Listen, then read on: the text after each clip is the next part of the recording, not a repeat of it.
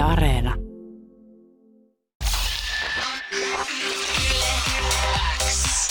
Viki ja Köpi podcastin tuorein jakso tuttuun tapaan joka perjantai Yle Areenassa. No niin, oli Kuopiossa keikalla ja, ja tota, keikan jälkeen niin mentiin viereiseen bubiin juomaan parit oluet ja siinä tiskillä odotellessani niin avasin puhelimen Joo. ja katsoin jotain mun Insta-viestejä läpi ja siellä oli joku laittanut tota, ö, viesti, että että, äh, että tulitte näemmä samaan baariin, mutta en ole sen verran stalkeri, että kehtaisin kuitenkaan tulla livenä kysymään, että miten silmä voi. Joo. Ja mä olin niin välittömästi ihan hirveässä paniikissa, koska mä olisin, että mikä helvetin silmä. No what? Ja, what? Ja mä, niin kuin mä just sanoinkin tuossa ennen kuin ääni katkesi, että tota, että mulla tuli sellainen niinku se phone booth elokuvasta niinku fiilis silleen, että joku, joku antaa mulle jotain, jotain niinku koordinaatteja. Mä oon siellä saatana puhelinkopissa, enkä mä pääse liikkumaan mihinkään. Ja, ja tota, sit mä Kattelit kat- ympärille, kello on ympärille, puhelin niin, mä, kourassa. kello on puhelin kädessä ja mitä hän tietää mun perssilmästäni. Kunnes mä tajusin, että ei se ollutkaan mun pyllysilmä eikä mikään mukaan silmä, vaan me oltiin siis Game of Nose-lähetyksessä eh, pelattu tätä meidän ohjelmista tuttua ohjelmaosiota jätkelöi oikeesti ja tällaisella twistillä, missä sitten niin kuin meillä oli vettä suussa molemmilla. Joo, kyllä. Ja sitten sä purskautit ne vedet suoraan mun silmään ja mä sanoin, että kiva nyt sitten Pinky Eye kanssa lähteä tota, ei, niinku, Kuopio keikalle. Ja mä olin ihan unohtanut tämän tyystin, mutta joku oli sen muistanut ja sitten oli varmaan niinku ensimmäinen asia, kun mä olin kävellyt sen baariin, hän on nähnyt, että okei, tossa menee köpi. Niin ikä ajatus, mikä hänellä oli tullut se, että onkohan sillä se silmätulehdus. mikä on myös Ihan hyvältä sun silmät ainakin joo, tällä hetkellä joo, joo, joo, joo, joo, ja kyllä se, tota, kyllä se, kyllä se, tota, kyllä se toimii. Kyllä Hyvä, se toimii. hyvä. Joo. Hyvä, hyvä. Joo. Menikö keikka hyvin? Tai Keik- keikat? ke- keikka meni todella hyvin ja keikat. Mulla oli siis siellä äärimmäisen hyvässä seurassa ö, tota, Westersin Teemu, Fatih Ahmed, Meikäläinen, ö, tota, Seppälä Mari ja, ja tota, Paalisen Matti, niin, niin me oltiin siellä, siellä tota, keikalla. Ja kaksi loppuun myytyä No niin, vetoa, mahtavaa. vetoa kello 18.21. Oliko sä yötä siellä? Olin, olin. Kiitos Kuopio, oli siis ihan, ihan todella hauskaa. Ja, tota, ja, ja tähän niinku liittyy myös sellainen hieno hetki tämän keikko, keikan jälkeen. Näit sä muuten, olla ö, tokan- lelua? Näin, näin. Noniin. Ojan sivun näin siellä myös. Ja sovin, että vieraaksi täytyy tulla. Tänne näin. Tänne näin Hyvä. tulee. Ja, Hyvä. Ja, tota, ja, ja Lelulle vaan rakkaita terkkuja. Mutta tota, mä tapasin yhden toisenkin ihmisen. Joo. Elämäni ensimmäistä kertaa. Joo. Ja mä haluan nyt niinku, äh, palata siihen, että et, et, tiedättekö ihmiset sen fiiliksen, ehkä kaikilla tätä ei tuu, mutta niinku itselle voisi vaikka tulla. Kuvitellaan, niinku, että mä oon vaikka polttamassa röökiä jossain kadun kulmassa. Joo. Ja siitä voi mennä kuka tahansa ihminen ohi, mutta sitten kun mä näen yhtäkkiä, että vaikka mun ystävän vanhemmat menee siitä ohi, pitkäaikaisen ystävän vanhemmat menee ohi, niin mä, mä yhtäkkiä taannun silleen 16-vuotiaaksi, mulla tulee kauhean kiire. Äkkiä niin röökil. äkkiä rööki, äkkiä Joo, rööki pois tai, tai mitä pahaa mä ikinä olisin sitten niinku tekemässä. Taantuu sille jotenkin 16-vuotiaan Joo. Sä et vaan osaa sanoa mitä järkevää, jos se tulee vaikka moikkaa sua ja heillä olisi ihan fainkin se, että sä poltat, niin sit sä oot ihan sellainen, no Älä niin, mitäs, mitäs, mitäs, mitäs Lasse ja äh, Maria tietää? Missäs päin te nykyään asutte? Missä, vieläkö te, vielä, vieläkö te sillä variksen kujalla, niin vielä. Joo, joo, juu, juu, juu. Ja se ei mene niinku yhtään luonnollisesti, koska sä oot jo niinku jotenkin asettautunut sellaiseksi teini-ikäiseksi. Sä oot tottunut näkemään heitä siinä ympäristössä. Just näin, just näin. Niin tota, mä en tiedä mitä tapahtui siis tokan keikan jälkeen, aivan uskomattoman hieno hetki. Mä siinä oltiin just saatu homma niinku pakettiin ja, ja sitten mä ajattelin, että no nyt mä menen hakemaan tuosta tiskiltä kyllä yhden, yhden olusen. Että, Joo. Että tota, olut kiinnostaa. No niin. Sitten Mä menen siihen ja sitten varvikko on siinä, että joo köpi, että tossa on, tossa on niinku esiintyjällä bisse. Mä että jes kiitos. Ja sitten mä kuulen yhtäkkiä mun vierestä, että hei, hyvä keikka köpi. Ja mä käyn katsomaan Kimmo Timo. Eikä! Kimmo Timonen. Eikä ollut! Oikeesti! Joo, joo. Tunteeks Kimmo Timonen sut? No niin, Ei tuntee. saakeli, kovaa! Joo, joo, joo. Mulla oli ihan sama fiilis. Mulla oli just tää sama fiilis.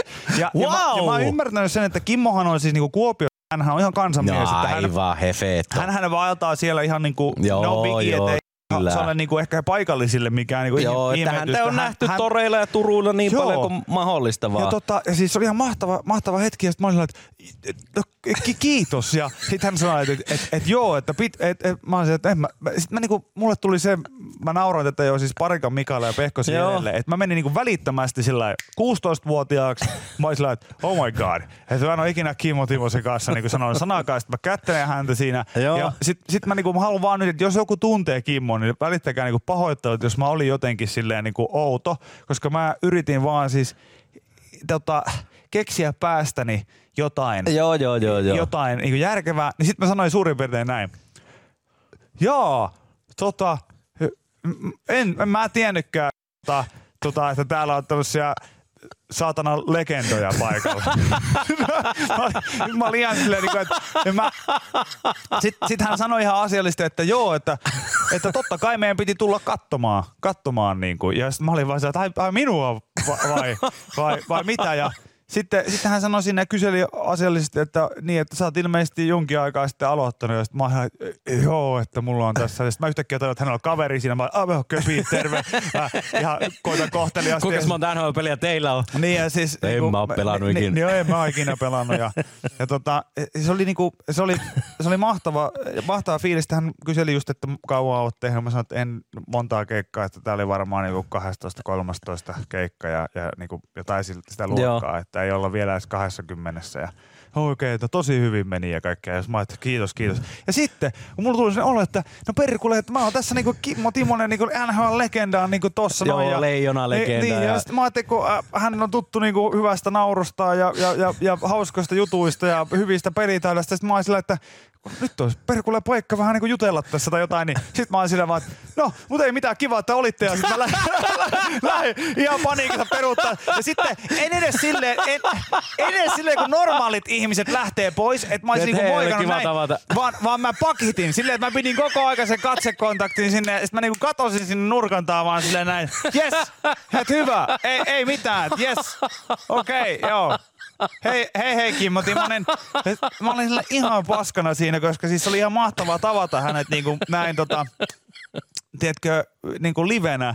Ja mulla oli ihan toi sama tuolla, että hii, hii. Ja sitten mä yritin vaan ulospäin olla sitä, että jes, hei, mitään hienoa. Et mä toivon nyt, että jos joku tuntee tota, Kimmon, niin välittää niin kuin viesti, että kiitos kehuista ja sori, jos mä en osannut sanoa mitään fiksua, koska mä olin niin häkeltynyt. Että Siinä Wow. nyt yhtäkkiä on Aika makeeta. Mr. NHL on Sä siinä et niin kuitenkaan tunnistanut häntä, häntä nauruista.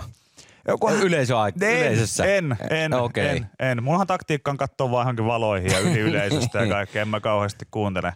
Ku, kuuntele. Mutta se on niinku sellainen tosi niinku te, teiniksi taannuin siinä. No ihan, en ihan- ihmettele yhtään. Ja- en ja- ja ihmettele tota- yhtään. Otiks kuvan? En, kun en mä tajunnut ottaa mitään. En mä, niinku, siis mä sanoin, mä, mä jumalauta pakitin silmät kiinni hänessä niinku, Pois. pois. siitä siihen takahuoneeseen. Koska mä jotenkin ku- kuvittelen, että okei, että nyt sä oot köpi jo voitolla. Että et sanonut mitään kauhean tyhmää, etkä mitään muuta. Että nyt vaan niinku pois. Joo, joo, joo, joo, joo, joo. Niin tota, silleen, silleen niinku mahtavaa. Kiitos. Oli hieno, hieno nähdä, että, että siellä oli Kimekin No todella yleisössä. siistiä. Mutta se todella oli, siistiä. se oli ihan äärettömän siistiä. Näin edespäin. Oikein mukava viikonloppu oli.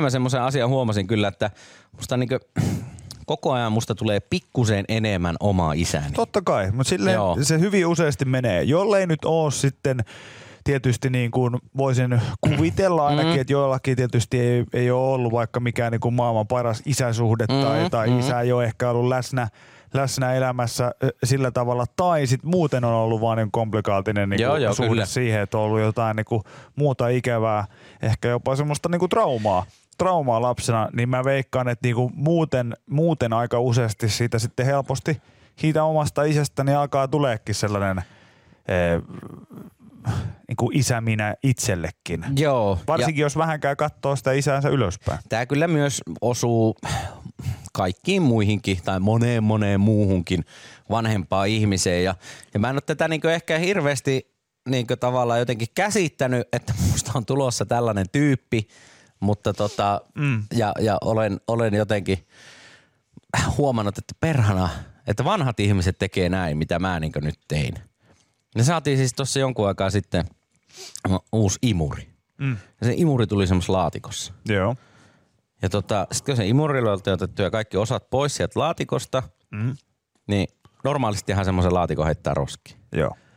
Sitten mä huomasin, mä, mä, mä jäin vähän niin kuin kiinni varkaan siitä, että mä olin silleen vaimolle, että on muuten hemmetin hyvän näköinen laatikko. Ai, hei niinku heitetä fiilis- tätä pahvilaatikkoa Sä pois. fiilistelit Mä laatikkoa. fiilistelin sitä laatikkoa. Mä olin, että ei heitetä tätä pahvilaatikkoa pois. Että tänne voi laittaa joskus jotakin. Mä tota, kysyn nyt tarkentavan kysymyksen. Onko alkanut myös sellaiset pienet paperipussit ja ynnä muut niin vähän kiinnostaa? On alkanut kiinnostaa ja niitä on Oh, alettu, oh. niin, Oh, niitä on oh. alettu säilymään varastoon. Joo, se on Koska niihin kyllä- on hyvä laittaa esimerkiksi lehtiä. Joo. Tai sitten jotain pieniä pahvisia purnukoita. Tai vaikka pää. No tai vaikka pääkin. Ja Jesaria vähän tosta. No joo, Niin, että senhän hen- saa henki- aika helposti kuitenkin rikki. Joo, mulla Mut joo, niitä- mä fiilistelin ihan liikaa sitä pahvilaatikkoa ja tällä hetkellä se on siellä yhden kaapin päällä jemmassa. Joo. Mulla Sinne voi kans- jotain joskus laittaa. Mulla on kanssa sama, mutta mä oon aina kaverille se, että älä heitä sitä ruskeita paperipussia pois. Mä, mä voin kotona sitten hyperventiloida siihen aina. Näkee ta- pari työmailia taas. Niin. Joo, ja isänihän on siis tämmöinen, että hän säästää kaiken mahdollisen ja niitä sitten jossain vaiheessa aina tuputtelee eteenpäin, niin mä tajusin tavallaan, että aivan, että pikkuhiljaa mä teen ihan samaa. Sitten mä aloin kiertelen kaikkia meidän asunnon huoneita. Olin, että joo, tuonkin säännöt, tuokin on hyvä laatikko, senkin mä oon säilyttänyt, tuonkin mm. on säilyttänyt. Esimerkiksi silloin, kun Gasellelta tuli se uusi biisi, se biisi ilman sanoja. Joo. Ja sehän tuli semmoisen, he, he, he olivat laittaneet semmoisen laatikon, mikä oli sitten tyhjä. Joo. Ja jossa luki sitten, että mä en muista mitä siinä luki. No se oli tämmöinen kuitti just, Kyllä, että vaikuttajalla kyllä. ilman mitään lahjaa. Juuri näin, juuri näin. Mutta mä oon senkin laatikon säilyttänyt. No totta kai olet. Se oli hemmetin hyvä laatikko. Mutta miten sä pidät siinä Ei laatikossa? mitään, se on tyhjä, mutta siis tulevaisuudessa Ei, mä voin jossain, jos tulee jotain semmoista kivaa pikku pi- tilpehöriä, mikä pitää saada varastoitua silleen järkevästi johonkin hyllylle, niin sitten mä, että hei, mullahan on se kaselit-laatikko. Hei, mullahan on tää imurilaatikko. Hei, mullahan on tää ja tää tästä tyttäreni lelusta tämmönen lelulaatikko. Joo, niin sinne voi sit laittaa erilaisia asioita. Joku laittoi viesti, että pitääkö olla huolissaan, että 20-vuotiaalla miehen alulla on useita paperipusseja lojunut- lojunut eteissä monta kuukautta käyttämättä niitä. Joku sun aliteunassa pitää niistä kiinni. Kyllä. Ja siis tota, mä en ole, mä en ole lähtenyt tähän tällaisia niinku, äh, pussien ja, ja pakettien ja ynnä muiden niinku hypistelyyn ollenkaan. Mutta, tota, mutta ainakin itseäni niin se, se tota, jollain tavalla niin se viestii siitä, että ollaan tietyssä elämänvaiheessa. Kun mä huomaan, että aika että, jos 20 nyt on tämä vaihe, niin sitten mä sanoisin, että välittömästi niin kuin Joo, johonkin, johonkin joku tota, interventio ystäviltä tai jotain muuta vastaavaa. auttava koska linja. 20 on liian muu- vähän. Se on liian vähän. Se, sä etenet niinku liian nopeita vauhtia. Tässä ei voi tässä elämän, elämän aallokossa, niin ei voi hyppiä näitä vaiheita niinku liikaa. Ronja täällä laittoi, että täällä leipäpussijengiläinen morjesta. Kaikki leipäpussit säilyy. Aivan loistavia eväspusseja. Kestokassi täynnä leipäpusseja. Helvetin hyviä pusseja. No, mutta no, mut jos käyttää eväksiä, Joo, joo, niin joo, sitten joo, joo, joo. ihmettele. Kyllä mäkin sä, säilytän välillä leipäpussin niin, että, että yleensä se mun niinku viimeinen leipä, että jos mä huomaan, että hei, tää on nyt leipä, ja sit mä ajattelin, että vois ottaa joku eväät, niin sit mä voin, Joo, se käytän viimeisen leivän niinku ja laittaa käytän- se siihen pussiin. Se on ihan ymmärrettävää. Silleen mä kyllä. jotenkin olen niinku tehnyt, mutta en mä kyllä muuten ikinä kato. Mua itse asiassa ärsyttää enemmän se, että kun sitä pahvilaatikkoroskaa tulee, niin mä oon aina se, että saakeli mun pitää taas kävellä tuonne katokselle ja viedä ja tunkea ja, ja, ja taitella nää sinne niin ja Mutta en mäkään kaikkia. Mutta vaan hyvät. No kun mikä vaan tekee, hyvät. mikä tekee Semmonen hyvää laatikon? jämäkkä, jämäkkä, hyvä mallinen boksi. Okei. Okay. Semmonen, Mihin on helppo piirtää silmät ja suu. No esim... esimerkiksi. Vai Semmoinen klassinen- jämäkkä, hyvänmallinen boksi, että, et, että, ja sitten semmoisen, että sä pystyt hahmottamaan, että mihin tämän pystyy saako siitä majan? Se on myös No tärkeä. joo, toi on ihan hyvä pointti, mutta Saako varsinkin majan? se, että se on jämäkkä ja sitten se on semmoinen hyvänmallinen, että sä pystyt niinku päässä hahmottaa, että kyllä, tämähän menee varastossa siihen yhdelle hyllylle. Mulla on paljon tollasia. Joo. Mulla on paljon tollasia bokseja. Näistä tulee ne meidän pienet erot. Tulee just siinä, että mä tosi, tosi, tosi, tosi, vaikka, vaikka ei ole mietiä, mä haluaisin olla tässä niinku supporttina sun, sun niinku puolella. Niin mulla, mulla ei, mä en vaan niinku löydä semmoista, mitä laatikkoa mä olisin kattonut sieltä, että nyt on muuten. Etkö? Nyt on perkele hyvä näköinen laatikko. Mulle tulee Tätä, nykyään tätä sama... laatikkoa en heitä kyllä mihinkään. Mulle tulee nykyään saman tien. Saakeli, nyt on hyvä laatikko. Tätä heitetään muuten Arvioit pois. sä, arvioit sä koskaan siellä kaupassa jo silleen vähän niin kuin, että että jos No, sä vaikka ostat jotain, niin en, mietit silleen, en. niin kuin, että, että kun toinen on, että otetaan tää imuri. Ei otetaan mieluummin tää, tässä on parempi laatikko. En, en. Kyllä se enemmän, enemmän on sitten siinä tavallaan, kun se on tyhjänä siinä. Ja sitten se- normaalisti se ensimmäinen asia on, että se viedään sitten kierrätykseen. Niin. Mutta sitten si, niin siinä, että perhana, tämä on aika hyvä laatikko. Tämä menee kiinni tälle ja sitten tuossa on vielä semmoista on parhaita, mihin, missä tulee semmoinen pahvinen, semmoinen juttu, missä voit kantaa. Joo. Niin se on ihan viimeisen päälle hyvä laatikko. On, on. Ruvunpa ihmistä kuskata silleen, Niin.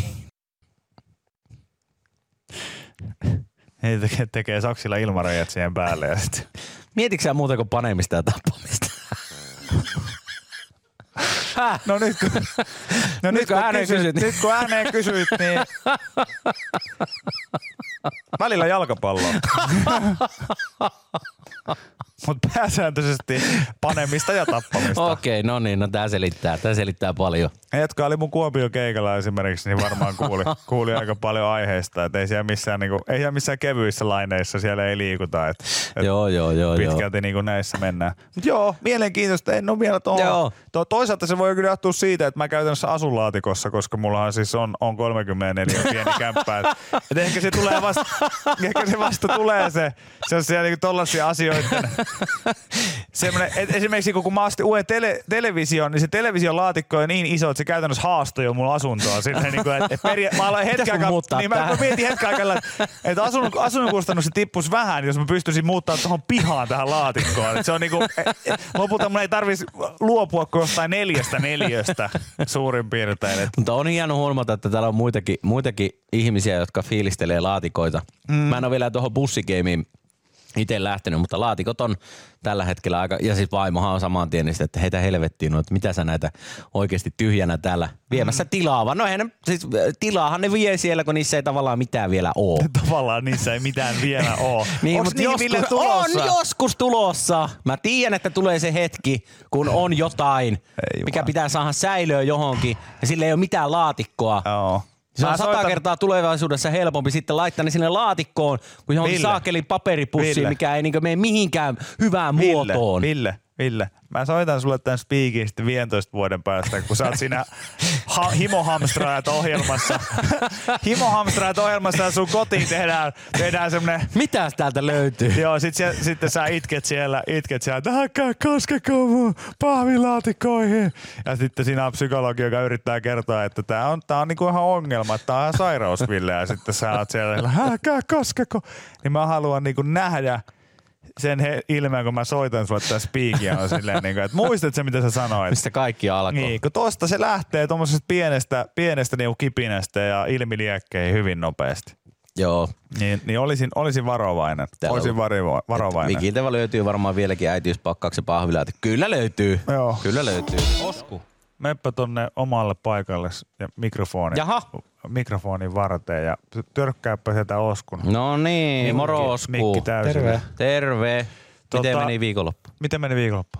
Ihan kivasti. Tota, siinä vähän palautuessa tosta Game of Thronesista. Juuri näin. Niin sähän olit sielläkin kameran varressa. Hommassa. Siellä mä olin. Tota, hei, me tuossa alkulähetyksessä puhuttiin näistä kaikista niinku hamstraamisista ja, ja oudoista jutuista, että mitä, mitä on niinku tullut säilyteltyä, niin sitten sä paljastit tuossa niinku pari biisiä sitten sellaisen jutun, että että tota, et sä oot myös vähän sellainen niinku säilöjä-tyyppi. No joo, kyllä mullakin kaiken maailman pahvilaatikkoja, muovipusseja ja Hyvä tollaista, Osku. tollaista löytyy, mutta sitten ehkä yksi, yksi mikä niinku tuossa joku aika sitten, kun pengoin varastoa ja etin jotain ihan muuta, niin tajusin, että mulla on siellä mun mummon kuvia. All Ja right. siis, Ja syystä että. Not creepy at all! ja siis joskus way back mä tota, mummolasta otin jotain tavaroita, mitä mummo sanoi, että vietkö nää roskiin tai jonnekin. Ja sitten siinä joukossa oli noita röntgenkuvia ja mä ajattelin, että no näistähän voi joku hyvä taideprojekti syntyä. Tai, tai, Sä on kysyä, sä on kysyä että, että mitä oli mummulta kuvattu. no siis kun mä en, mä en niin, niin hyvin tota osaa tulkita ehkä niitä, Anatomiaa. mutta, Joo. mutta jos en nyt väärin muista, niin ainakin jotain selkää. Okei, joo, joo. ja ehkä jotain Joo, joo. lonkkaakin. All right, all right. Klassikko. All right, all right. Niin tota, mut joo, sit mä ajattelin, että ehkä, ehkä Ylen tarpeista voisi myös ottaa ne. Mä laitoin Rekvisiitta. Sinne, niin, Joo. joo. mä laitoin sinne viestiä, että tota, että mulla olisi mun mummon röntgenkuvia, että haluatteko te niitä. Ja se et tuo tänne vaan. Ja sit mä unohin koko homma ja nyt ne on siellä mun varastossa sellainen nippu niitä. Ai saakeli. Ai saakeli. Joo. No. Mä, mä, mä, mä halusin vaan, että koko maailma tietää tämän. Koska mä, mä olin hetki sitten tuossa silleen, että, että kuuliko mä niinku oikein, et, Kyllä et, vo, voiko tätä niinku vaan jättää tähän, että sulta siis löytyy sun mummon röntgenkuvia. No niin, no. Joo. Ne on vielä ei, sulla kuitenkin. Ei. Mä tiedän Sie- kuitenkin, siellä ne on. Mä tiedän Edelleen. kuitenkin tota, viimeisiä, joilla on kaikkia näitä just niinku napanuoran palasia ja hampaita säilytty, mikä on siis semmoista niinku mun mielestä aika daamer kamaa, mutta tota, mut en mä sano, että sä nyt ihan puhtaan No paperein. ei, Pääset ei, siitä. ei pääse, ei. Tuollaista on niinku yllättävän vaikea sel- selittää silleen vaikka jossain yllätysratsiassa. Niin Joo. Okei, me löydettiin tää, tota, pari kiloa kokaiinia täältä, mitä me haet. Mutta sitten sen lisäksi niin huomattiin, että täällä on myös joku ihmisen röntgenkuvia. Nämä ei ole muuten sun.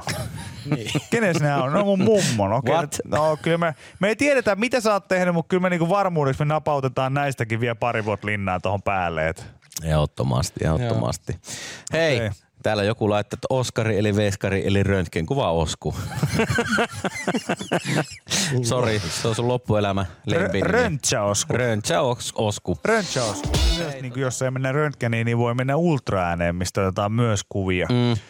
Niin esimerkiksi varmaan isällä tiedät, että, että ultrasta, Joo, saa, kyllä, ultrasta kyllä. saa sitten kuvia otettua. Niin muistuu aina mieleeni tämä tota, oma, oma tuota, kertomukseni, jonka olen monesti kertonut ihmisille ja antanut tällaista vertaistukea, Niin. kun, kun kuitenkin moni ihminen urheilee ja kaikkea voi sattua, niin mullahan siis tosiaan nuorena poikana kaksikymppisenä, niin mulla, mulla siis äh, tuli tämmönen kahden sentin semmonen repeämä tonne lähentäjä lihakseen tuonne nivuseen. Ja tota, se oli ärsyttävä vaiva. Nivunen on aina vaikea jotenkin kuntouttaa. Joo.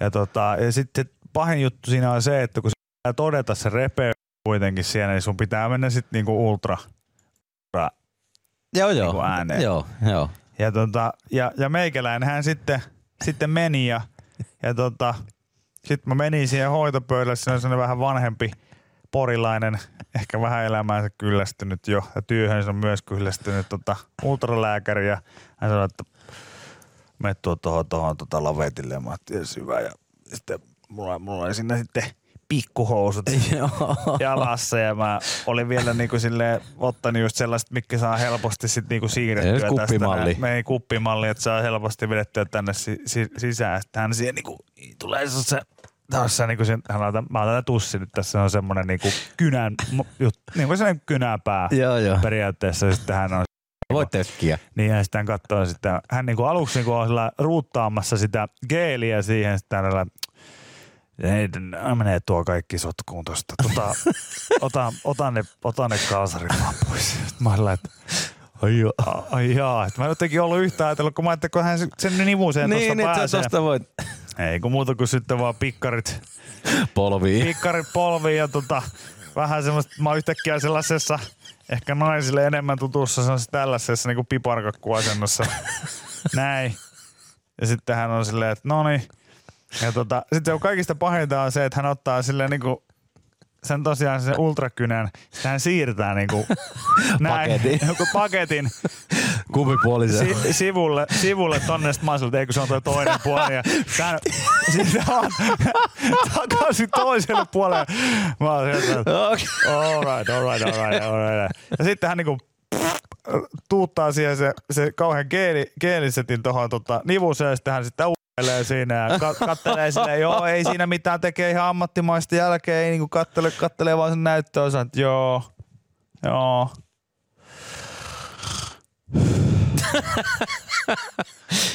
joo. On sillä repeämä. On sillä repeämä. Sitten hän ottaa näin vierestä, hän ottaa sitä, sitä vihreitä, tiedätkö, ihan sitä oikein serla serlaa. Se on Niin karheita kuin voi semmoista, olla. semmoista käsipaperia. Kunnon paperia. käsipaperia.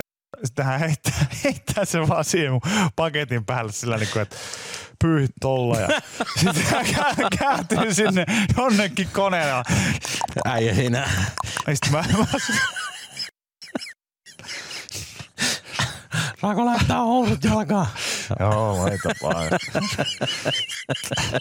Sitten olisi enää puuttunut se, että hän olisi heittänyt vielä niinku rahat siihen vielä mahan päälle ja ollut silleen, niinku, että no niin, ei mitään nähdä ensi viikolla. Ja mä ollut silleen, että mulla oli niin jotenkin hyvä olo siinä. Vaikka hän teki, siis, hän teki kaiken ihan, ihan oikein, kyllä. eikä siinä mitään, se oli täysin niin kuin kaikki tuli todennettu, eikä hän mitään ylimääräistä siinä veivalla, mutta se oli jotenkin vaan niin kuin mulle tuli semmoinen niin kuin olo, että saanko mä, saanko mä, pyyh, saanko mä pyyhkiä itteni, tästä? no, ei hän nyt ainakaan rupea pyyhkimään. Ja se on joo jäänyt ikuisesti mieleen, että tota, olkaa varovaisia röntgeneissä ja ultraäänissä. Muistaaks mä kerroin sulle siitä, että kun mä käyn siellä parraa jossain ja siinä vetää, mm. sitten jo penkki silleen, silleen ala-asento ja laitetaan semmoinen pyyhe naamalle. Ja, että mä oon yleensä siinä sitten tämmöisessä asennossa itsekin. Mm.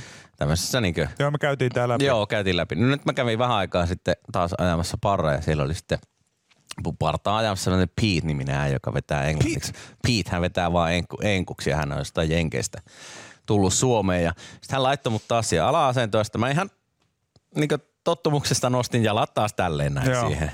Sitten hän oli silleen vähän aikaa, oli vaan hiljasta. Mä olin siinä silmät kiinni. Sitten hän oli silleen, did you know that you can rest your calves there? Et tiesit sä, että sä voit niinku leputtaa sun pohkeitakin siinä? Sitten mä tähän. Niin. Did you know that you can rest your calves there? Et siellä on semmoinen taso, mihin sä voit Niin sä nostaa, voit laittaa ne suoraksi nostaa näin. suoraksi. Mä olin silleen, että yeah, yeah, but I like to be like this. tietysti. I like to be like this. Ai Joo. saakeli. Sitten kun se oli laittanut se pyyhkeen mun naamalle, niin sitten mä vähitellen silleen. Hivuttaa Oh, you mean like this? Yeah. Yeah, like that. Yeah, like, yes. Joo, no yes, itse asiassa this is kieltämättä nice. se Tää on näyt- nyt vähän parempi näin. Näyttää itse asiassa aika paljon järkevämmältä asennolta myös. myös. Kyllä, kyllä. Joo.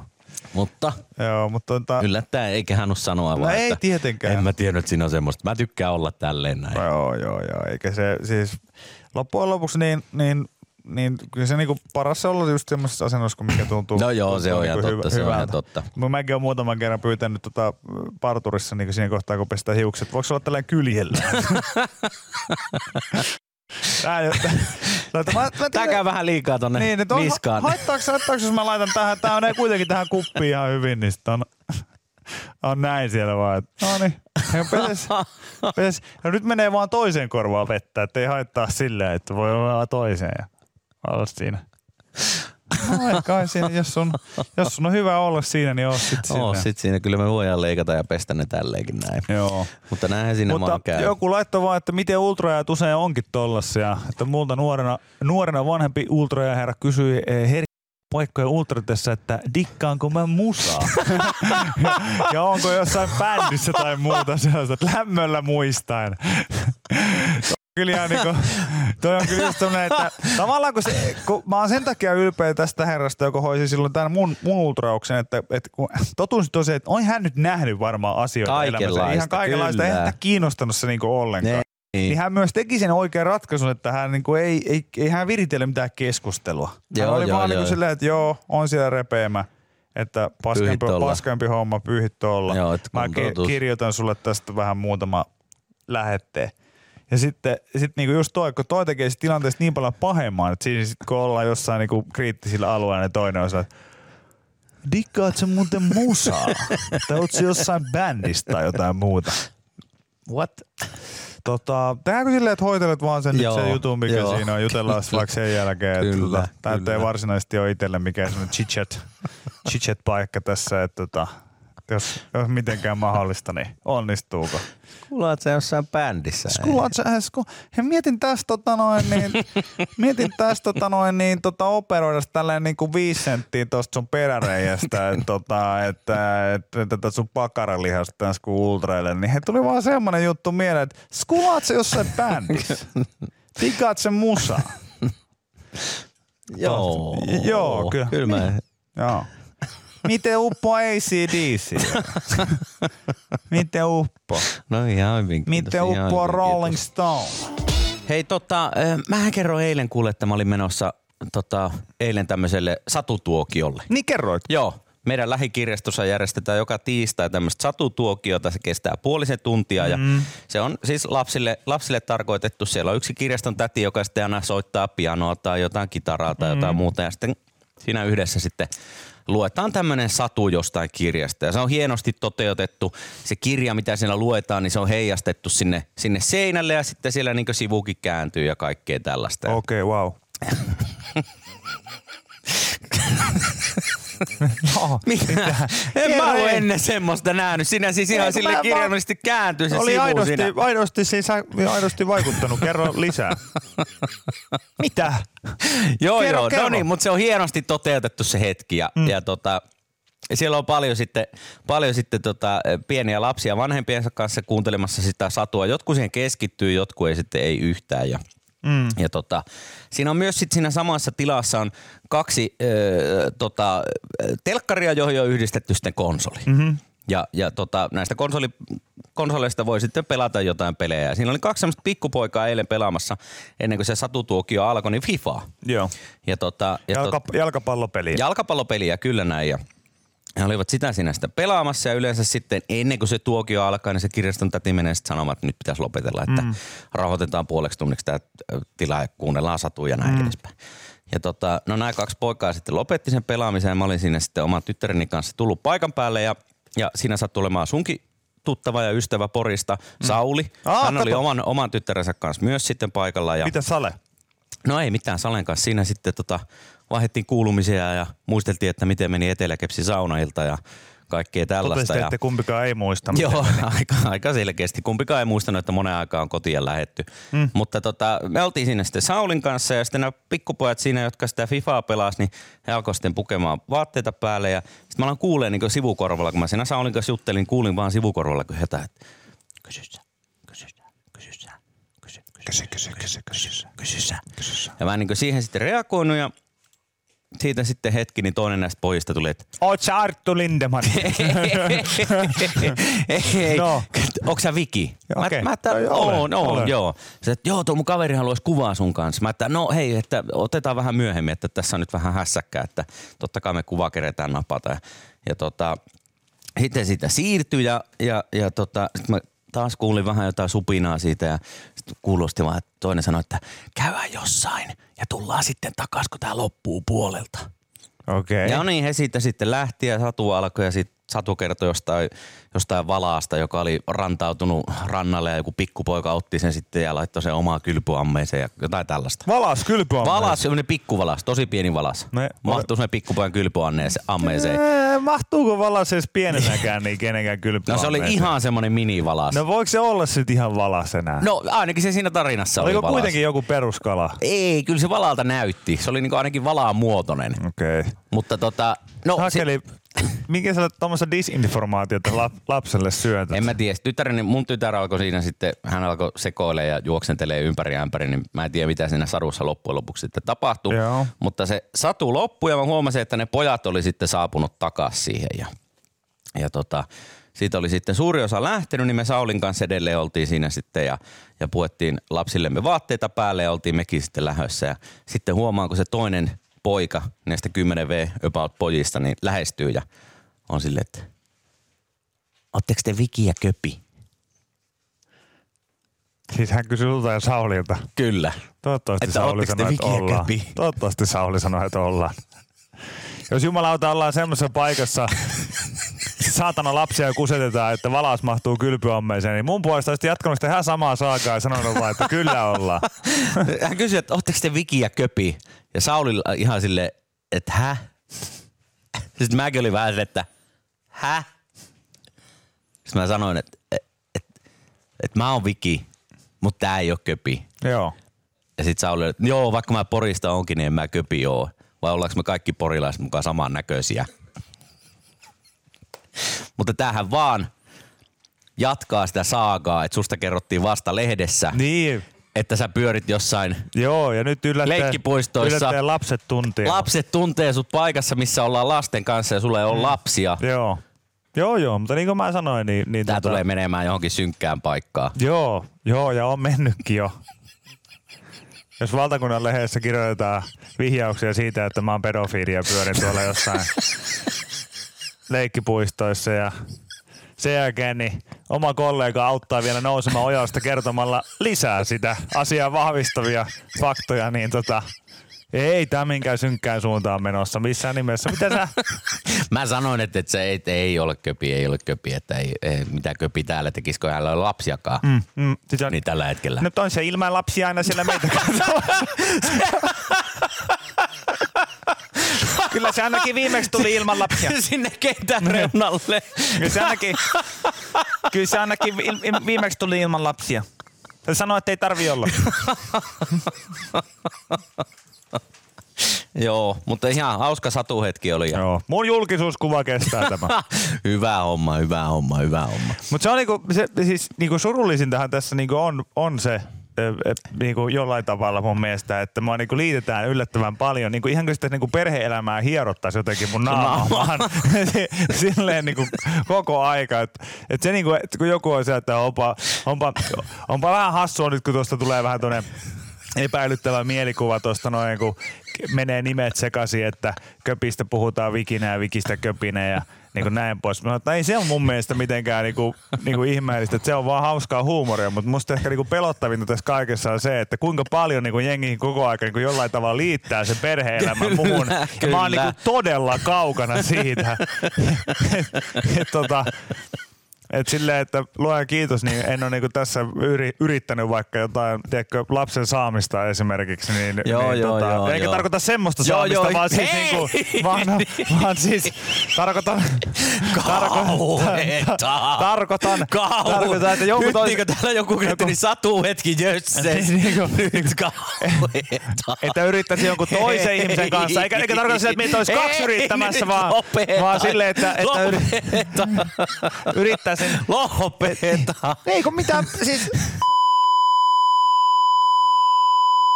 Hei, et paina sitä sensuurinappia. Hei, sitä käytetään vaan äärimmä... Äärimmäisissä tapauksissa sitä käytetään. Et se, on, se on ainoastaan äärimmäisissä tapauksissa. No niin. Mulla, mulla oli, mä, mä, mä sanoin... Mä sanoin vaan väärin. No niin, hyvä. Että, että hyvä, että Hyvä. en ole, hyvä, en ole yrittänyt jonkun toisen ihmisen kanssa saada lasta tehtyä Just näin, maailmaan. no niin, hyvä. Niin, Joo. niin, niin kamalaahan se olisi sitten, kun, jo, kun, kun tämä paljastus ja sitten tuolla ollaan niin kuin oltu koko Niin, aika silleen, kyllä, että kyllä. hierottu oikein sitä lasta Joo, joo, Enkä joo. tarkoita sillä tavalla.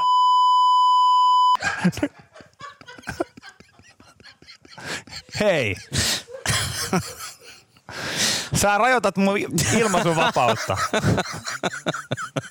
Sä oot sanonut, että meillä on, turva, meillä on turvallisuuden ilmapiiri. No on, on, on, on. Sä oot on. sanonut, että täällä saa sanoa esimerkiksi sillä tavalla, Saa sanoa, saa sanoa totta kai, mutta hyvä satuhetki meillä oli ja hauskaa oli ja terkkuja vaan maan Saulille ja kaikille muillekin. Mutta tota, joku laittuisi, että KRPlle ilmoitettu, no niin, että ei hätää. hyvä, tossahan ne on tien toisella puolella, niin ne kauan Joo. kun ne tänne saapuu. Hei, Kello lyö jo kello kuusi kahden- minuuttia, eli kello kaksi. kahden kipale. Tätä toivottiin muutaman kerran, muutaman tota, tyypin toimesta. Mä en niin hirveästi tiedä tämän kyseisen yhtyeen tota, katalogia, että voisin täältä sanoa, että mikä olisi Mikä kysymys? paras. Eikö heillä, Mikä kysymyksessä hei? Oota, eikö heillä ole mukaan täällä? Paramore vai? Ei, ei, ei. Vaan siis äh, tuossa joku heitti, heitti ilmoille, että, että tuolta Oulun suunnilta aikoinaan ponnistanut yhtyö nimeltä Senten Set. Mm. Niin heidän edesmennyt laulajansa oli, oli Ville nimeltään. Niin mä ajattelin, että Sentensedia voisi kuule soittaa. Aa, Sentenced. Sentensedia. Joo, Kyllä, joo. Se, mutta, oli, se oli ainakin itselle semmoinen jossain vaiheessa, missä tota, niin kuin mä muistan, että monilla oli semmoinen Sentenced niin kuin teepa, musta Joo. teepaita, missä se luki. Ja mä luulin, että se on joku uusi vaatemerkki. Ai jaa, Mutta se olikin okei. siis yhtye. Se on yhtye, se on yhtye. Joo, soittaa, soittaa tämän. raskasta musiikkia ja vuonna 2005 on valitettavasti yhtyeen, yhtyeen tota, nokkahahmo ja laulaja Ville Laihiala sitten, sitten tota, siirtynyt ajasta ikuisuuteen. Mutta sanotaanpa, mikä on Sentensedin paras biisi. Hm? Täällä on neljä vaihtoehtoa. Routasydän, no sehän liittyy kärppiin.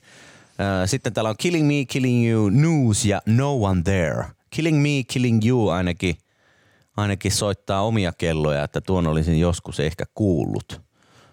Mutta tota, jotkut varmasti osaa, osaa laittaa viestiä, että onko toisen heidän ykköshittinsä. Tässä on pieni viive, niin kyllä Joo, se venataan, venataan tässä se, se Kohta. sekunti. kohta sitten Mutta tota, tota, tulee. enpä ole sentensediäkään kyllä pitkään pitkään aikaan kuullut. No. Muhokselta näköjään lähtenyt aikoinaan Muhos. liikenteeseen. muhos, älä, koittaa vaan muhos siinä vähän, kun meikä... Joku sanoi, että ei Sentensedin Ville kuollut. Öö, no miksi täällä Wikipediassa lukee, että vuonna 2005 hän olisi menehtynyt? Aha. Ei ole lauleja kuollut. Mitä se helvettiä? Sentensedi. Teki tänä vuonna soololevynkin No niin, no eihän varmaan sitten joku. Anteeksi kauheasti. Kamalaa. Miten mä tuossa, kun mä katson nä... Lukeeko niin. siellä? Oh, nyt, nyt nostan Ei kyllä virheen käden. Nyt, Et nostan, jos- nyt nostan virheen käden merkiksi. Mä siis katsoin vaan täällä, että, että kun tässä on hänen nimensä perässä on 2005. Ei jumalauta! Niin sehän tarkoittaa sitä, että yhtye on lopettanut. Anteeksi kauheasti. Siihen meni Nyt. siis, mitä tähän meni? Kuusi ja... Kauhean, anteeksi Hetkinen, ihan oota. hirveästi. Mä Kuusi. katsoin, Hetkinen, ota. Marrasku. Se meni niinku kuusi. Anteeksi, anteeksi. Vähän vajaa seitsemän vuotta meni siihen. Vähän vajaa Anteeksi. seitsemän vuotta meni siihen, että me Anteeksi, mä oon tosi tapettiin pahoilla. Mä oon joku. tosi pahoilla, niin mä oon tosi pahoilla. Ville, Siis yhtyä... Ville, Ville, Ville. Herra vittu, mua hävettää nyt. Uh. Siis yhtyä on lopettanut Uh. 2000...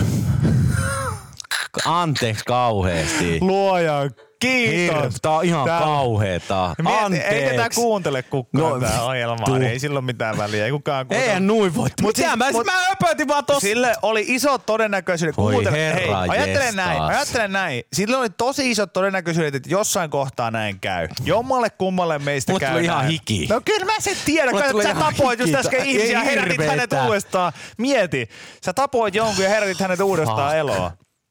Mut siis tota, Mitä mä nyt selitän oikein? No mut siis hei, tää oli sit ajan kysymys, koska näin tapahtuu. Mä oon odottanut sitä hetkeä, että jompikumpi meistä tappaa jonkun ihmisen lähetyksessä niin kuin vahingossa. Koska tätä tapahtuu. Tällaista on niin kuin tapahtunut. Tätähän on tapahtunut niin kuin lehdissä, miss, missä se on niin kuin äärimmäisen paha juttu, kun joku uutisoi Niin. silleen, niin kuin, että joku on kuollut ja näin ei ole tapahtunut. Se leviää tuo internetissä. Mutta tämä nyt onneksi niin kuin herran jesta hyvin nopeasti. Meidän Tajuttiin. Ku, ku, kuuntelija laittoi tuolta viestiä ja ta, tämä homma tajuttiin. Mutta joo, se tarkoittaa, että se yhtiö on siis Lopettanut vuonna 2005, kyllä. valitettavasti nokka. Hei. Anteeksi. Hirveetä. Nyt Hei. on kyllä. Nyt on kyllä. No ei, mitä sille voi? No ei, sille voi mitään. Ei sille voi ei mitään. Sille Mitä voi, se- ei, se sille se voi mitään. Se ei meni. sille, ei Se sille meni. voi mitään. Se on just näin. Se meni, se meni jo. Se meni jo. Ei sille voi mitään. Mutta 2005 heidän kitaristinsa on, on ilmeisesti menehtynyt.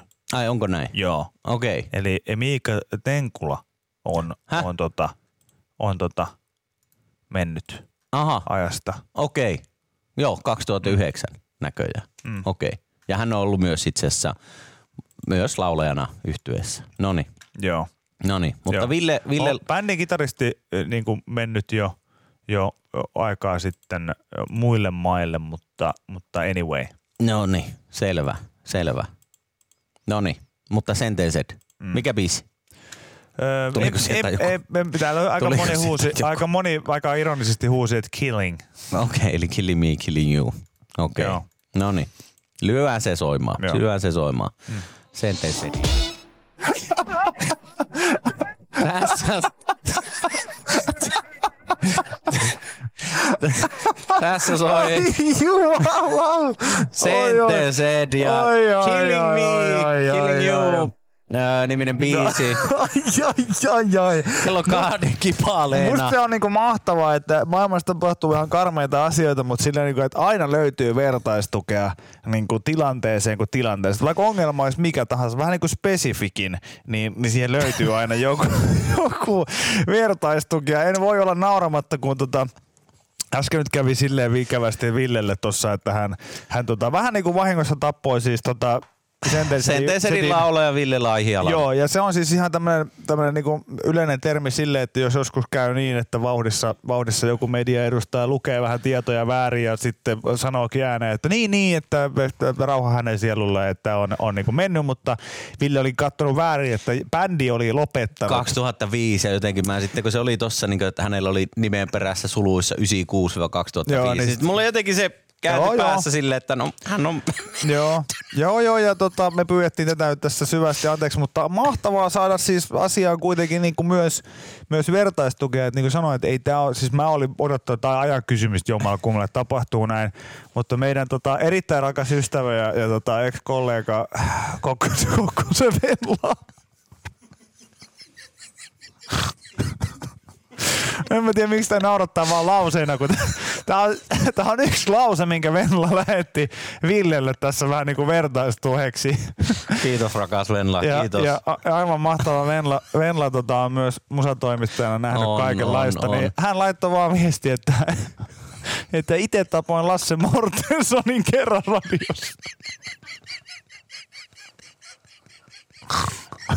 Oi kauheeta. jotenkin, jotenkin silleen niin, kuin, niin absurdi tämä aihe on, niin musta on mahtavaa, että pystyy lähettämään kollegalta kollegalle silleen vaan niin kuin, ihan pienen vertaistoista, että ei mitään, mä itse tapaan Lasse Mortensonin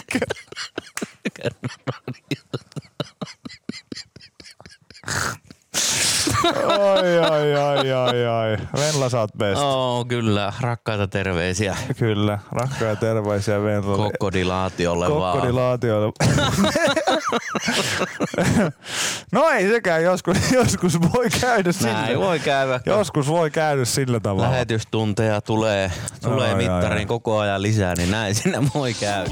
Me saatiin siis eh, tuottajamme Peter Nortilta tehtävän, tehtäväksemme, että tänään ennen Viki ja Köpi Shown starttia meidän pitää mm-hmm. äänittää Yle Puheen puolelle jouluinen mainos Viki ja Köpi podcastista, mm-hmm. joka ilmestyy aina perjantaisin Yle Areenassa ja voi sen Spotifysta ja muualtakin käydä kuuntelemassa. Mutta siihen on paketoitu tämä meidän Viki ja Köpi Show viikko aina semmoiseen tunnen mittaiseen pieneen kivaan pakettiin. Mm-hmm. Ja tähän piti tehdä sitten joulunen mainos. Näin piti. Ja me, että totta kai, hoituu, onnistuu. ja tota, Nää me tehtiin. Nyt, nää on nyt tota, siis nämä lähti eteenpäin. joo, Nämä on nyt ihmiset, niin me voidaan nyt nämä teille soittaa. tota, mä mietin, että saataisikohan me tästä vielä semmoinen, sellainen tota, mä voin tästä nyt ihan, ihan sokolla niin koittaa etsiä, kun mä laitan tosta tota, Äh, jotain joulumusaa. Niin, niin mä ajattelin, että mä, mä, mä tuikkaan vaikka tästä, tästä tota, että jos se vuotaa tuohon mun mikkiin edes vähän, niin... No voit sä kato laittaa mulle No, no tänne? mä voin laittaa sulle se. Eikö et voikaan? Eikö voit? Eikö Voi. et voi? Et voi. Eikö Enkä. voit? enkö? Eikö sä sano, sano, sano, sano. Eikö sano sä? Sano sä. Ei sano sä. Eikö musta tuntuu, että ne tulee kato samat liulta? Joo, ei se haittaa. Mä, mä tota... Mut mä otan mikä tää. tää on tää Christmas Begins? Tämmönen joulujuttu täällä. En mä tiedä mikä se on. Mikä tää? Onks tää joku joulu? En... Tämmönen Aa, tää on tämmönen joulu, joulumaailma. Tää on varmaan ollut jossain meidän satuhetkessä mukana. Joo, joo, anna tulla tää. Eikö tää ole joulusta? Joo, joo. Noniin, Noniin, selvä. noniin. Tarpeeksi joulusta. Sä voit tuuttaa ne sitten. Joo, joo, Samaan joo. aikaan. Katsotaan. Noniin, eli me tehtiin semmoiset jouluiset mainokset Viki ja Köpi podcastista ja tota, soitamme nyt teille. Saatte antaa mielipiteen, että mitä tykkäätte. Ja että meneekö nämä läpi vai pitääkö mennä uudelleen äänityskoppiin. No niin, ootko valmiina? Joo. Yes. Pistetään sieltä eka tuota vähän ja sitten laitetaan tää mainos pyöriin. Ja klöki maistuu Viki ja Köpi podcastin äärellä. Se oli kyllä joopeli.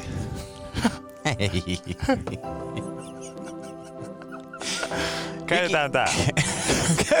Tää. Viki ja Köpi podcast ilmestyy joka viikon perjantai ja tähän noin tunnin mittaiseen podcastiin on ö, paketoituna meidän kahden eli Vikin ja Köpin Viki ja Köpi Shown parhaat palat. Joo. Näin se muuten.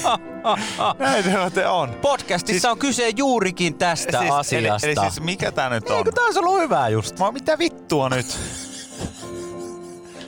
Mä en tajua yhtään missä me mennään. Podcastissa on kyse juurikin tästä, että toinen ei tajua asioista yhtään mitään. Välillä se olen minä ja välillä se on ystäväni Juuso.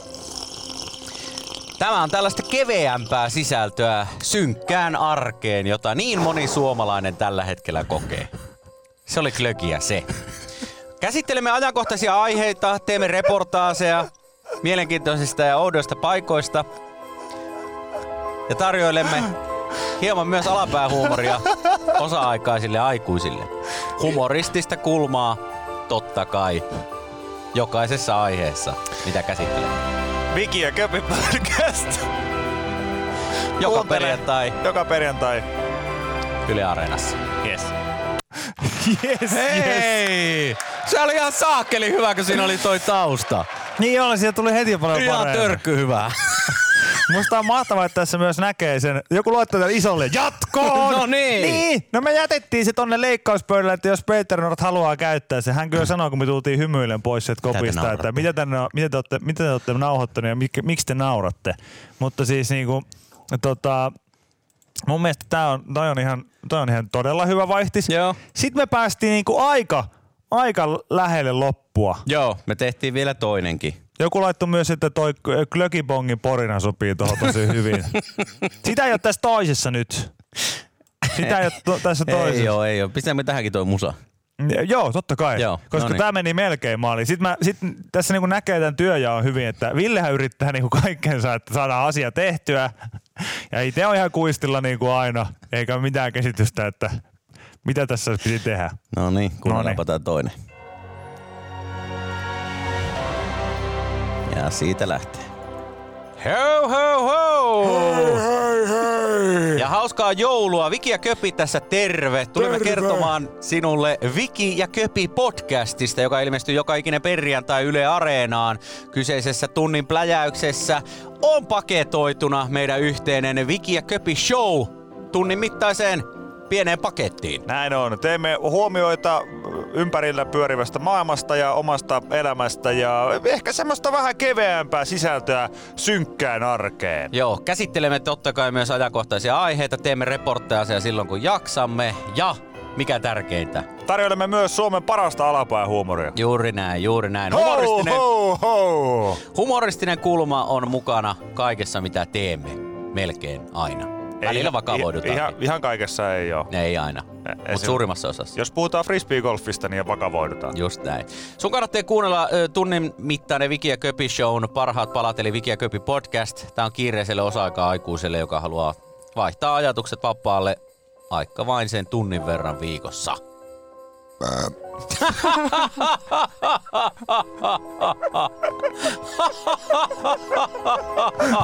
Ai saakeli. Ai, ai, ai, ai.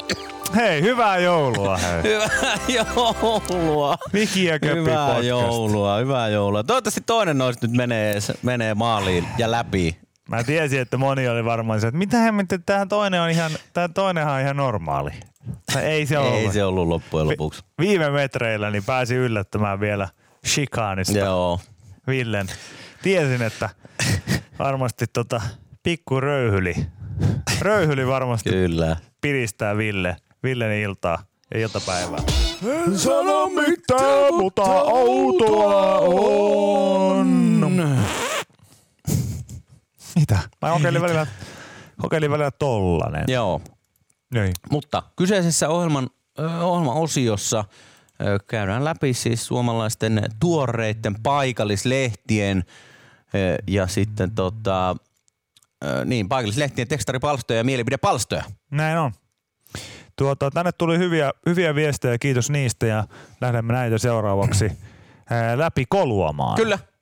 Ja tota, mistähän Anna sitten minä aloitettu. Anna minä vie, vie, vie, vie, vie, vie. Mä tässä katson, että... Eka mettään. Minä katson tästä jostakin, että ne, ne, ne, ne, ne, ne.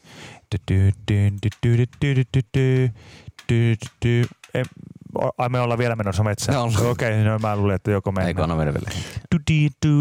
Give me a second. Give a second. No niin. Kato, Sri Lankasta joku soittaa, enää jo vasta. Ei varmaan kannata vastata. No niin. Aina, aina hyvä, aina hyvä. Hei, no niin. Täällä linnunlaulun Lintut laulaa tuolta noin. lomassa ja keskellä lähdemme käsittelemään. No niin, kuule. Tekstiviestipalsta. Kuule, mä oon valmiina täällä. Anna mennä, ota tota. sä ensimmäinen. Oi, kato, mä otan teetä näin. Tällainen, tällainen, tota. Tällainen, tällainen ää, aavolehden tekstaripalstalla Aha. oli. No oli niin. tällainen näin, näin, näin. No niin. Ai. Ai, ai, tossa se oli. Maksuton ehkäisy alle 25-vuotiaille. Mitä? Ei mikään ole maksutonta, vaan joku maksaa. Eikö 25-vuotias ole aikuinen ja vastaa itse itsestään ja kohelluksestaan? Tietoa on jaettu. Pitääkö heille asunnot ja autotkin ostaa verorahoilla nimimerkillä oma vastuu? Siinä mukavasti spardarit, spardarit ja muut ehkäisyvälineet niin niputettiin autoihin ja asuntoihin, mikä on omasta mielestäni täysin rinnastettava juttu. Lisäksi varmaan tuollainen ehkäisy alle 25-vuotiaille niin, niin tota, ei välttämättä tarkoita ehkä sitä, että, että se olisi, olisi vastuussa omasta kohelluksestaan ehkä niin paljon, mutta voi olla, että kynnys vaikka sellaisen hankkimiseen tahi siitä maksamiseen, kun ei ole vielä edes kunnolla duunissa tai vaikka opiskelee tai jotain muuta, niin se saattaa olla ihan hyvä. Se Silleen tule, olla. tulevaisuuden yhteiskuntaa ajatellen. Se on Joo. ihan hyvä juttu. No niin, täältä, täältä seuraava sitten. Joo. Taidankin muuttaa Härmälän rantaan. Säästän kiikarien hinnan, jos haluan seurata naapuritalon rouvan aamu- ja iltatouhuja. Pitää vaan toimia nopeasti ennen kuin ehtivät rakentaa tähän kahdeksan metrin rakoon jonkun mini-omakotitalon. Tehokasta on maankäyttö nykyään Tampereella. No niin. Kohta alkaa kauhea poru. Miksi näin on voitu rakentaa? Älä kyylää. Älä kyylää. Ilman kiikareita tai kiikareiden kanssa. Älä katso. No niin. No niin. Nyt mennään Tampereelle. Oho. Tampereelle, Tampereelle, niin. No niin, mitä Tampereella? Hämeenkadun valot Tampereella eivät tuo lämminhenkistä jouluodotusta ja pimeän karkotusta. Valot toteuttavat kylmän sävyistä diskotunnelmaa. Missä ovat vanhat valokku- valokuviot, joissa on lämmin valo ja jotka olisivat myös lasten mieliin? Nimimerkillä Timpuri. No, se kiva. Kato, kaikki uudistuu. Ai, kiva saada jouluvaloja. No, se Niin, olisi. mä kun te säätelee tämmöistä diskovaloa vaan jumputtaa työllä, niin pitäisi olla mukavan lämminsävystäkin valoa siellä. Mitä sä nyt tolla, teet tollasia diskovaloja? Mä en mua kiinnosta kohta enää mikään tää. Tällaista hi- hienoa, hienoa jouluvaloa laittaa. No niin, täältä, täältä tota, Mm? seuraava. Tää ei ole Tampereella, vaan tota, katuihin liittymää tämäkin. Otetaanpa tuosta tommonen tota, uusi ääni. Otetaan tämmönen. No niin. Katujen pillaaminen Joensuussa jatkuu. Nyt tehdään Raateenkankaan tielle kavennuksia. Voi olla mielenkiintoista talvella kuin auraus. Miten se onnistuu? Autojen auraus kuluvat takuulla menee, kun lumeen peittämiin kanttikiviin rengas ossuu. Kele. Niin. On se semmoista. Mä Kaikki pilataan. mä kolhoitin kesällä vanteen tommoseen kanttikiveen. Joo. se sattuu vieläkin. Tuota, pistä mulle tuo, ei se, se. Noniin. Olisikohan mahdollista Kajaanin Pietarin huoltomiehillä nuo lipputangon narut pyöräyttää pari kertaa tangon ympäri? Ikävästi läpsyttelevät. Nyt hirveä myrsky, niin koko yö hirveätä läpsytystä.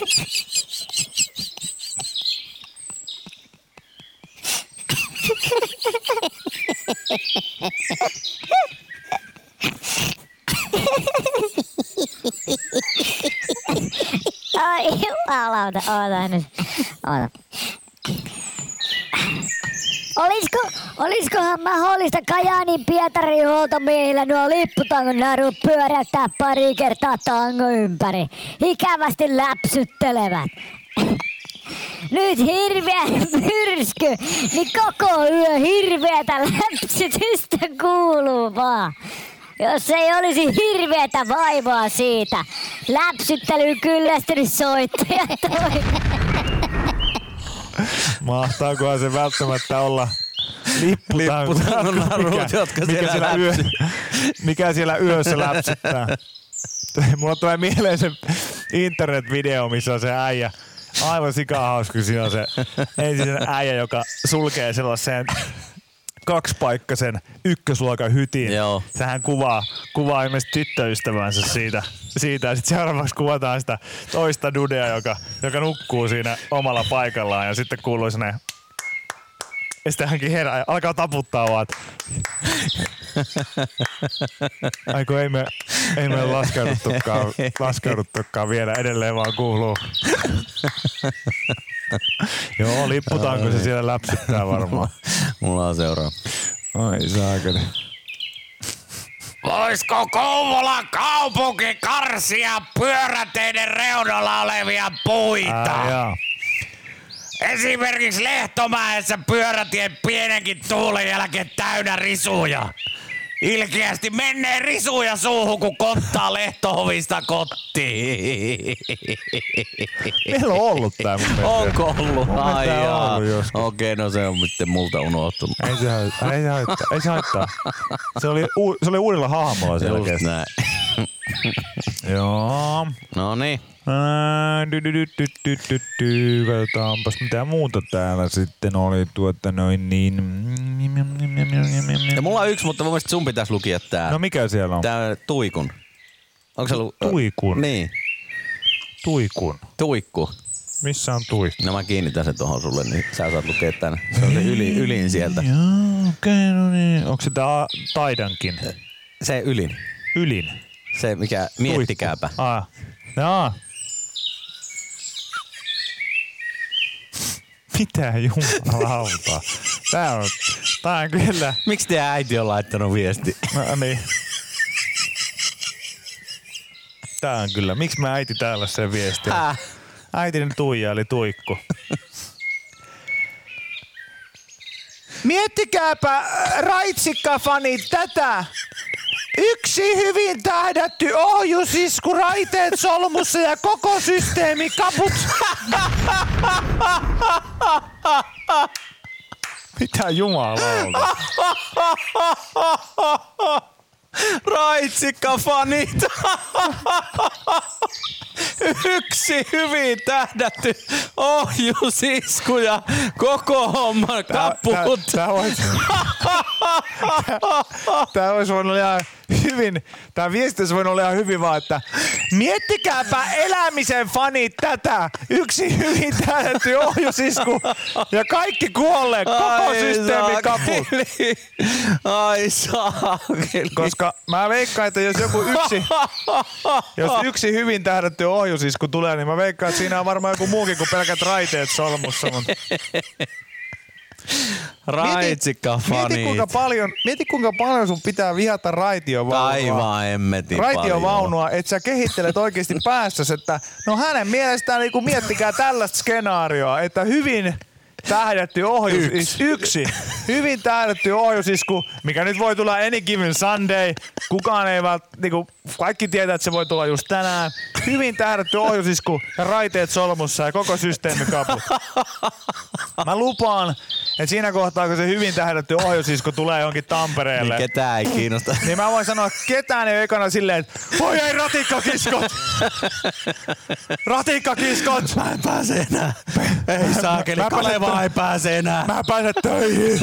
Mä en pääse töihin, kun on ratikkakiskot on solmussa! Mä veikkaan, että siinä on muitakin murheita todennäköisesti. Se on Viki ja Köpi tässä, moro! Meidän uusi Viki ja Köpi Show alkaa Yle Areenassa 4. lokakuuta. Tiistaista torstaihin kaksi tuntia pelkkää puhetta kuunneltavissa ja katsottavissa silloin kun sulle sopii. Tai livenä kello yhdestä kolmeen. Piirtä Yle Areena puhelimeen ja tuu mestoille.